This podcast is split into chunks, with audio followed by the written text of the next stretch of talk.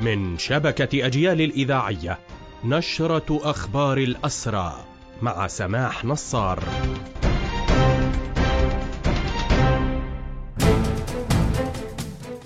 أهلا ومرحبا بكم إلى هذا اللقاء. نشرت هيئة الاسرى تفاصيل الوضع الصحي للأسير الشبل.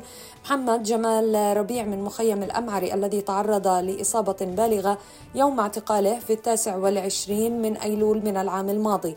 الأسير حضر إلى الزيارة على كرسي متحرك وكان قد أصيب أثناء اعتقاله برصاصة في البطن وصلت العمود الفقري وتسببت في كسور بالفقرات وتم نقله على إثر ذلك إلى المشفى وخضع لعملية قص في المعدة وزراعة بلاتين في الظهر.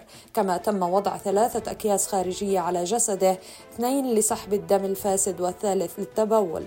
وقد تم نقل ربيع عدة مرات إلى المستشفى في الرملة ومستشفيات خارجية وخضع مؤخرا لعملية منظار للمعدة بسبب التكلسات التي يعاني منها.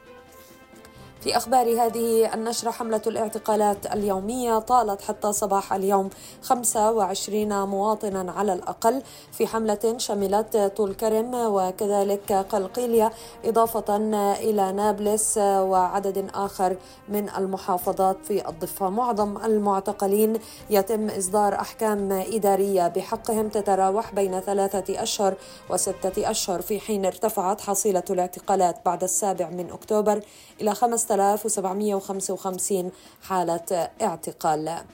وفي أخبار هذه النشرة أيضا نواصل ما أفاد به نادي الأسير موضحا أن عمليات الاعتقال تتم وسط تدمير غير مسبوق للمنازل والممتلكات في هذه المنازل والاعتداء على أهالي المعتقلين وعدم الاكتفاء بضرب المعتقلين أمام عائلاتهم.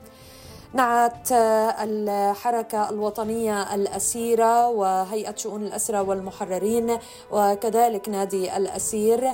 نعوا المرحومة آمنة خلايلة أم حسام وهي والدة الأسير المقدسي حسام شاهين المعتقل منذ عام 2004 ومحكوم بالسجن لسبعة وعشرين عاما.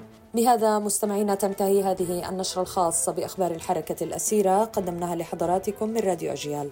تحية الحرية لأسر الحرية وتحياتي سمح نصار المجد والخلود لشهدائنا الأبرار.